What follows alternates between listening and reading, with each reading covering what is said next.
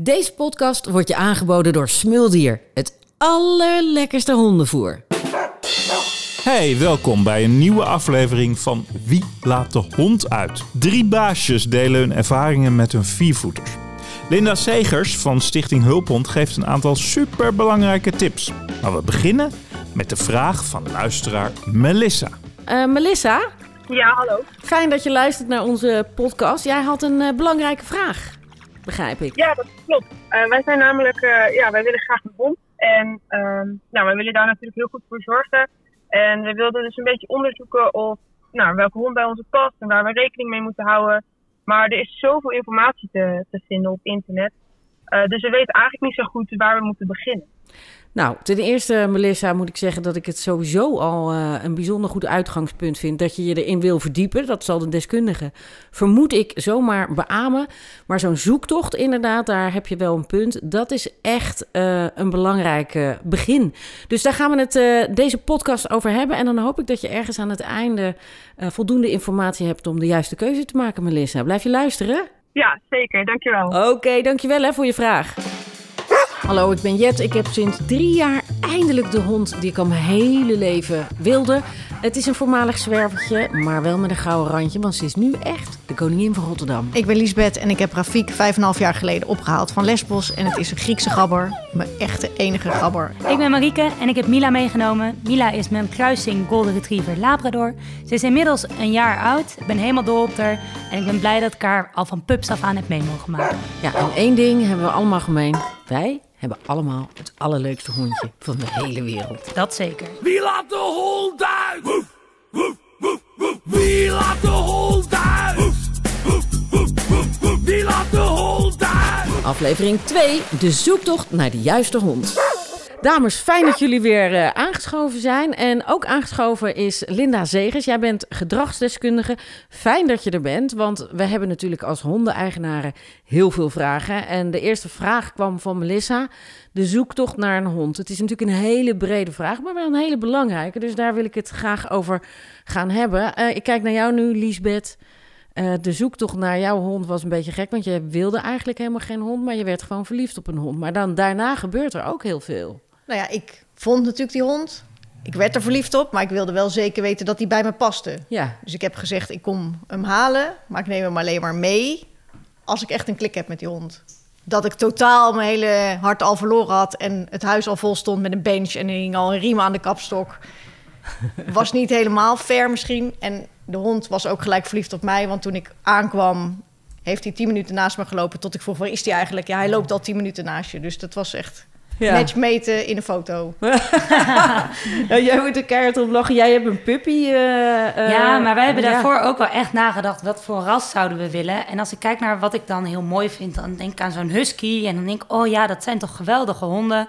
Maar dan denk ik, weet je hoeveel zij moeten rennen? Ja. En hoe sportief je daar zelf voor zou moeten zijn? Nou, dat past dan niet helemaal. En eh, we hebben een nestje gehad met border collie pupjes eh, bij mijn schoonouders. En toen was het al van, ah, nou gaan wij er daar eentje van houden. Toen dacht ik, ja, maar we zijn ook best nog wel gewoon druk met werk en alles. Dus zo'n border collie heeft ook veel meer werkdrift en veel meer mentale uitdaging nodig. Dus toen dacht ik, nou, border collie wordt hem dan ook niet helemaal. En ja, toen werden we verliefd op, eh, op het eh golden retriever rasje. En gewoon hoe makkelijk het is dat je er, er zoveel mee kan doen. Maar dat je ze ook gewoon een dagje rustig thuis kan laten. Zonder dat ze daar problemen mee hebben. Nou, en dat past gewoon echt goed bij ons. En daar ben ik heel blij in.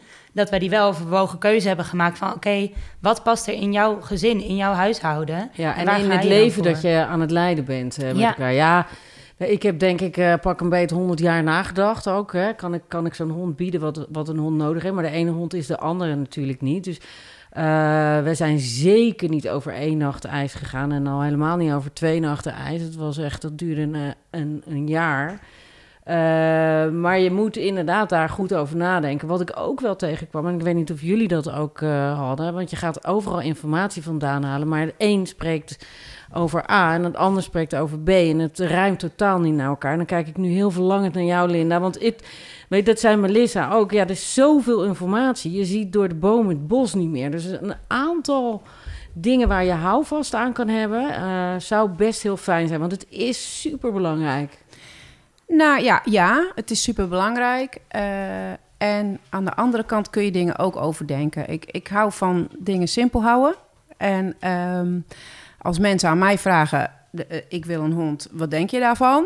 Dat is wat mensen regelmatig aan me vragen is natuurlijk. een hele vanuit open mijn vraag, achtergrond, ja.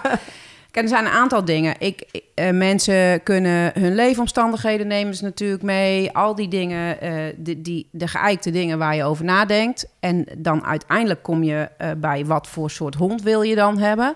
En daar zit natuurlijk vaak een, een, een, een hele belangrijke keus weer. Want daar kun je eh, of heel veel plezier aan je hond gaan beleven... of je haren uiteindelijk uit je hoofd willen trekken... En een heleboel mensen besluiten uiteindelijk om zo'n hond dan dus niet te houden. Ja. Eh, en Maar hoe kun je dat voorkomen? Want ik denk dat dat bij Ja. heel veel mensen die angst Ja. speelt. nou, dat. Dus wat, voor mij, wat ik altijd mensen aanraad, is zeggen: kijk eerst naar wat je vooral niet leuk vindt aan een hond. Dat is een goeie. Want Ja. Dat zijn de dingen waar jij je aan gaat irriteren. Als je Ja. niet houdt van blaffende honden, zijn een aantal rassen gewoon niet doen. Noem ze eens. Een Sheltie. Eh, ik heb zelf een, een Kroatische herder. Dat is niet zo'n heel bekend ras. Maar eh, de, het credo van de rasvereniging is loud, fast en furious. Nou ja, ik bedoel... Helder. Hè? Dus dan weet je al, dan moet je daar gewoon niet aan beginnen. Eh, op het moment, en, en je moet als bepaalde dingen erin zitten, omdat het oorspronkelijk in hun werk handig was, dan kun je dat best wel een beetje begeleiden en managen, maar dat ga jij er nooit helemaal uittrainen. Dus als je de, en heel veel mensen hebben nog in hun hoofd dat wij alle honden alles kunnen leren. Ja. En dat we alles kunnen trainen. Dat is maar dat, achterhaald, zeg jij. nou ja, kijk, je kunt een heleboel trainen. Dat kost ook een heleboel tijd. Ja. Dus, ehm, en als dingen instinctief in een hond aanwezig zijn... en die zijn... Kijk, op het moment dat wij ooit rassen gingen creëren... hebben we bepaalde eigenschappen uitvergroot... en andere eigen eh, onderdelen van, van het wezen hond... in bepaalde eh, rassen verkleind, als het ware. Hè, dus bijvoorbeeld, we hadden het net over border collies. Border collies hebben heel erg nog het opdrijven en het bij elkaar houden... maar het echte pakken en doodbijten... wat oorspronkelijk onderdeel is van je hele jacht eh, gebeuren in je brein... dat is bij border collies hebben ze dat heel klein gemaakt. Zijn, ze kunnen het doen. Dus niet een, geen border die niet iets kan doodbijten als hij dat niet zou willen. Maar de, de, de aanleg om dat standaard te doen is eigenlijk... Nou ja, die hangt nog een beetje als een... Ja, want dat is natuurlijk echt niet handig als die je schapen gaat Nee. pakken. Nee, nou Daar heb heb ik je hier toevallig geen mee. schaap hoor, Marieke. Nou, dat niet, scheelt nee. natuurlijk een hoop. dus dat zou ja, dan dat niet mee vertellen. Nee, maar dat zijn wel ja. dingen waar je... Dat, dan weet je dat. Maar het achter iets aanjagen... Ja. is bijvoorbeeld bij border collies heel erg uitvergroot. Ja. Dus Maar- als maar- je er niet van houdt... En als je een hond hebt die eigenlijk gefokt is om, zeg maar, eh, ongedierte te gaan bestrijden. Ja. Ja. dan is dat niet een hele handige hond om naast Ja. je lieve, schattige Dat- dus konijntje te je hebben. moet je wel gaan, gaan, Ja. gaan verdiepen in de eigenschappen van een bepaalde hond. Maar Liesbeth en ik hebben bijvoorbeeld allebei een zwervertje. Is dat die van mij? Ja. Zit die nou een beetje te brommen? Er zit een politieagentje te spelen. Oh. Want deze dacht, ik ga aan de tafel knagen. En toen zei ze, nou, je mag niet aan mensen spullen zitten. Dat zegt hij van mij tegen die van jou? Ja, dat zei hij net ook Oh, kijk de tassen. aan. Oh, kijk eens aan. Nou, dan is ze toch beter opgevoed dan ik dacht. Ja, dat heb je natuurlijk met honden onder elkaar. Die hebben ook communicatie. Maar eh, wat ik zeg, waar, ja, Lisbeth en ik hebben allebei een zwerver. Dus dan kan je je ook niet echt verdiepen in, in, in de kenmerken die zo'n beestje dan heeft van een bepaald ras. Dat Ik maakt het best een beetje lastig. hond. Maar ik heb geleerd dat op het eiland waar die vandaan komt... zit iets, dat heet iets van Fauve de Bretagne... geïmporteerd om op de koets mee te rijden... en om de stallen schoon te houden. Je kan hem hier bij die geiten in het weilandje zetten. Maar doe ik hem in het open weiland... ik weet gewoon zeker dat er ergens een haas zit... dan ben ik hem een half uur kwijt. Ja. En Ja. hij loopt zich helemaal dood. Nou, het is wel duidelijk, eh, Linda. Jij zegt, eh, als je kenmerken van een hond... Als je daarvan weet dat die er zijn, kan je, moet je daar gewoon rekening mee houden dat het ook zo is. En dan kan je niet, daar kan je niet omheen. Dus dat is, dat is belangrijk wat je mee. Maar waar haal je je informatie vandaan? Want er zijn natuurlijk zoveel verschillende soorten. Wat is, wat is handig? Mensen die al zo'n hond hebben. Kijk, Neem contact op met een rasvereniging. Kijk of er een wandeling is van, de- van, van die rasvereniging. De meeste rasverenigingen hebben van die activiteiten of evenementen. Hè? En dan heb je bijvoorbeeld, als je voor een golden retriever gaat, een, een wandeling met misschien wel 40 golden retrievers. Ja. Of 20 of wat Ja. dan ook. En dan ga je met die mensen gewoon praten. En dan ga je gewoon ertussen lopen. En je gaat gewoon naar die honden kijken. En dan ga je kijken, hé, hey, hoe voel ik me? Ja. Als ik die honden zie in het echt. Als ze contact met me maken. Ik ga met mensen, goh, hoe vinden jullie je hond? Waar loop je tegenaan? Hè? Als je echt serieus wil weten. Wat vond je het moeilijkst van, van je puppy toen je Ik hem als puppy goede had? Tip, inderdaad. Ja. Dat, eh, die, heb ik, die heb ik nog niet gehoord. En, eh, maar kijk, de- je, je kan je verdiepen daarin. Dat heb ik ook gedaan. Waardoor er dus een aantal rassen gewoon afvallen. Die je ook heel leuk vindt, maar die gewoon niet passen. Precies wat jij zegt, eh Marieke. Zo'n Ja. polhond. Ja, wat moet die hier? En zeker in de stad waar ik woon. Eh, en, maar wat er natuurlijk ook heel vaak gebeurt... is dat je gewoon... Je, je raakt je hart kwijt. En daar is gewoon niks meer aan te doen. Dan nog zijn er dingen die je moet overdenken, lijkt mij. Nou ja, kijk, als je het andersom doet. Hè, je wordt verliefd op een hond Ja. en je neemt hem. Ja, Wat heel logisch is. ja. Dan moet je denk ik een beetje vergelijken met een relatie. Je ontmoet iemand, daar word je verliefd op. En gaandeweg de relatie kom je altijd achter een paar dingen waarvan je denkt... Hè? Is niet per se het leukste van deze partner die ik heb. Maar ik hou zoveel van hem, ik accepteer het. Het lastige is dat... Je verkering kan je uitmaken. Ja, precies. Dat wou ik net zeggen. Je relatie wordt soms verbroken. En, maar goed, dat zien we dus soms met honden ook. Ja. En als je echt heel ongelukkig van elkaar wordt... Ik ben, begrijp me niet verkeerd... ik ga honden eh, aanschaffen voor hun hele levensduur. Maar op het moment dat je echt elkaar ongelukkig maakt... ja. is het ook geen Ja. schande om te zeggen... nou, ik maak jou niet gelukkig. Mits je dan echt wel zorgt dat Tuurlijk, het dan moet je- bij een baas komt die Precies. wel Maar kan geven dan moet je verantwoording pakken. En dan moet je Ja. En voorkomen is in dat opzicht beter dan genezen. Maar het is wel zo, op het moment dat je een hond hebt en je houdt van hem, ben je, duurt het langer voordat je je relatie uit wil maken over het algemeen, merk ik, als met mensen.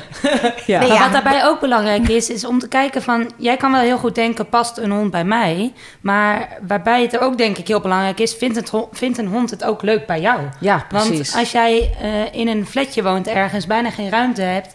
eh, en dan echt denkt, nou, ik eh, vind dit zelf wel een hele mooie hond... en ik denk ook wel dat die bij me past... ja, dan is het ook wel belangrijk om te kijken van... Ja, kan ik zo'n hondje ook bieden wat die eigenlijk Ja. graag Ja, precies. doen? En, en, en eh, een van de dingen die ik denk te horen ook eh, bij jou is... als zo'n hond eenmaal bij je is...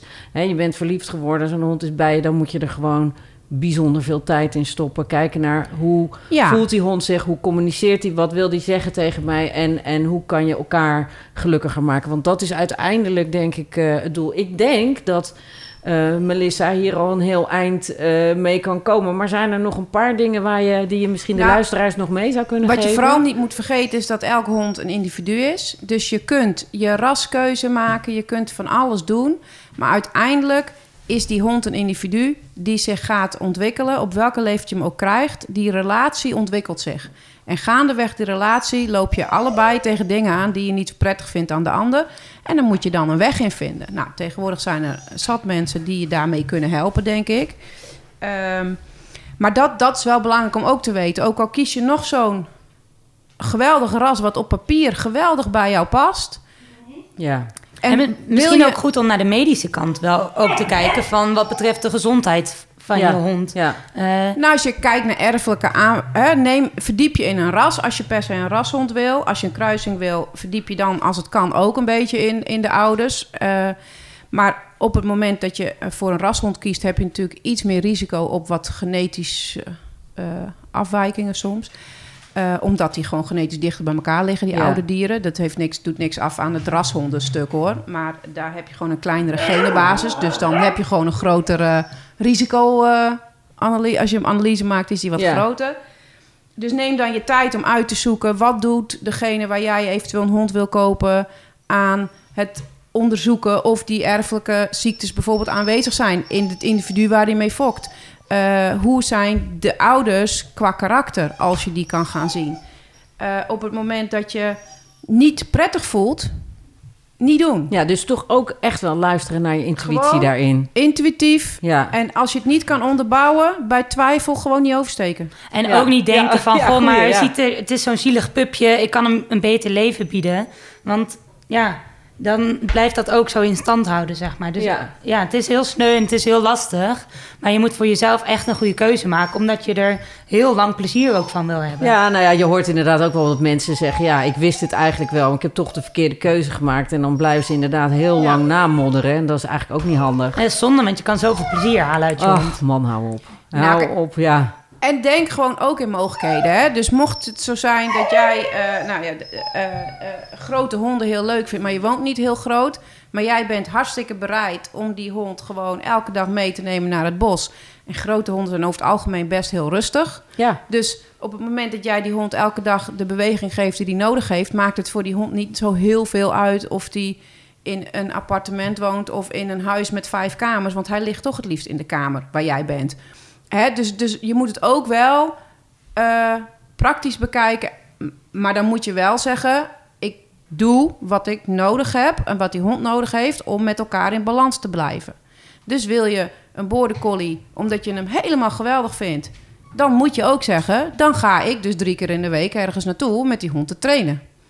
Want Ja. anders dan doe ik hem tekort. Eh, wil je een, eh, een hondje, wat eh, een herplaatshondje, dan zul je de eerste twee jaar wellicht heel veel tijd kwijt zijn in elkaar leren kennen en aftasten hoe je samen het beste je door de maatschappij kunt bewegen. En heb je een makkelijke, dan heb je geluk. Heb je eentje met een issue ergens, dan heb je daaraan te werken. Maar als je een pup koopt, heb je dat ook. Want die krijgt ook dingen. Als dit hondje, ik heb er nu een bij me, die is tien weken oud. Als die straks een negatieve ervaring opdoet met, ik noem maar even, een vreemde hond, moet ik daarna ook aan de gang om te zorgen dat ze alle andere honden wel aardig blijven vinden. Dus er zullen altijd momenten zijn op het moment dat je een hond aanschaft, dat je actie moet ondernemen en tijd moet investeren. En dat is denk ik de grote vraag: ben je bereid om dat te doen? Ja, dus, dus van alle voorbereidingen die je kan doen, is het vooral belangrijk om, om bij jezelf te raden gaan van kan ik die dingen eh, eh, zonder daar al te veel stress van te ondervinden, kan ik die aan een hond bieden? Want het is gewoon echt een hele serieuze relatie die je aangaat. Je zou misschien wel kunnen zeggen een soort huwelijk. Nou ja, kijk, en je moet echt niet vergeten: honden zijn ontzettend sociaal ingesteld op samenleven met een groep. Ja, En ja. of dat nou mensen zijn of andere honden. ehm, nou ja, sterker nog, er is onderzoek dat wijst uit dat honden liever in gezelschap van een bekende persoon zijn als van een onbekende hond. Dus, Grappig. dus dat, dat, dat geeft je wel even nog te denken dat je gaat een hele grote verantwoordelijkheid aan. Het, is, het zijn geen kinderen, maar ze willen wel dezelfde, eh, op hetzelfde, ja, Het voelt wel als een op kind. hetzelfde niveau. nou ja, niet helemaal, maar het zijn, dit zijn wel. Ze, zijn voelen inderdaad afhankelijk zo. Ze zijn afhankelijk van jou. Dus je moet het, zien dat je permanent een kleuter in huis hebt. Die kan heel goed zelf spelen, maar die heeft wel af en toe begeleiding nodig. En die stuur je niet in zijn eentje op de fietsje door de grote Nee. stad heen om zou ik boodschappen ook te niet gaan willen. doen. Dat zou ik ook niet willen. Nee. Want het is ook weer zo. Kijk, het is, het is belangrijk, het is serieus om, om op onderzoeken uit te gaan en om te kijken wat je kan doen. Maar boven dat alles, eh, dames, mag ik toch ook gewoon wel vaststellen dat als je dat doet, dat het een onuitputtelijke bron, bron van vreugde is. Elke dag weer. Tenminste, ik spreek nu in ieder geval heel erg voor mezelf. Ik ben nog steeds geen- elke dag blij als ik van mijn werk kom. Ik mag nu af en toe weer naar kantoor. Dat ik denk, oh leuk, dan word, word ik weer blij begroet. Want Ja. of ik nou één minuut ben weg geweest of acht uur... dat maakt voor hem niet uit. Hij is altijd even blij. Nou ja, en honden zijn gewoon. Ik ken geen ander dier. Serieus niet. Ik ken geen ander dier wat zo graag succesvol met ons wil samenleven. Dus ze hebben een continue. Ze, geven jou een continue stroom van contact en liefde. En ik wil bij je zijn. En dan kun je toch ook niet anders als gewoon zorgen dat zij ook gel- gelukkig zijn, toch? Ja. Denk ja, ik en dan. net als Ja, wat Melissa, ja, Melissa ja. eigenlijk vraagt van, nou ja, hoe kan ik me daar het beste op voorbereiden? En als je die voorbereiding goed doet Ja. en daarna komt zo'n wollig bolletje pup bij je in huis, nou dan kun je echt puur genieten. Dan is het zo geweldig. En natuurlijk, het is niet altijd leuk, want hij plast een keer in huis of hij bijt een keer wat kapot. Maar al met al krijg je er zoveel voor terug. En dan is het heel mooi dat je je eh, nou ja, er goed op voorbereidt. En ook wel kijkt naar wat zijn de negatieve punten. Maar ook zeker volop geniet van de positieve kanten van zo'n puppy. En waar je je goed bij voelt. Doe waar je goed bij voelt. Ook als je andere mensen om advies vraagt, vooral. Klinkt het logisch? Kun je er wat mee? Gebruik het. Klinkt het niet logisch? Ga verder zoeken. Want het moet bij je passen. Ja, nou, ik vind dat echt een buitengewoon helder eh, uitgangspunt. En ik denk dat Melissa daar ook wel wat mee kan. En hopelijk ook nog heel veel andere luisteraars. En eh, hierbij wil ik dan ook meteen zeggen: mocht je een brandende vraag hebben, we hebben hier altijd hele fijne deskundigen aan tafel. die streng, maar zeer rechtvaardig eh, antwoord zullen geven. Dus praat gezellig met ons mee. Ik hoop dat Melissa hier in ieder geval mee uit de voeten kan. Dankjewel. Tot zover deze aflevering van Wie laat de hond uit? Heb jij ook een vraag? Stuur dan een mail naar ons via podcast.smuldier.nl Abonneer je op deze podcast via een van de bekende podcastkanalen, zoals Spotify, Google of Apple Podcasts. En eh, vergeet vandaag niet je hond uit te laten. Doeg, tot de volgende keer.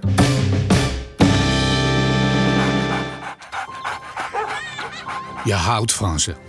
En daarom geef je ze het allerbeste. Knuffelen, daar zijn ze dol op. Een wandeling op zijn tijd, vinden ze heerlijk. En die bal die ze steeds kwijtraken, ja, die haal ik gewoon voor ze op. Kleine moeite, want ze geven mij namelijk het aller, allerlekkerste eten. Ik ben Max, ik ben een smuldier. Smuldier, het allerlekkerste hondenvoer. Kijk ze nou, zijn ze niet geweldig, mijn mensen?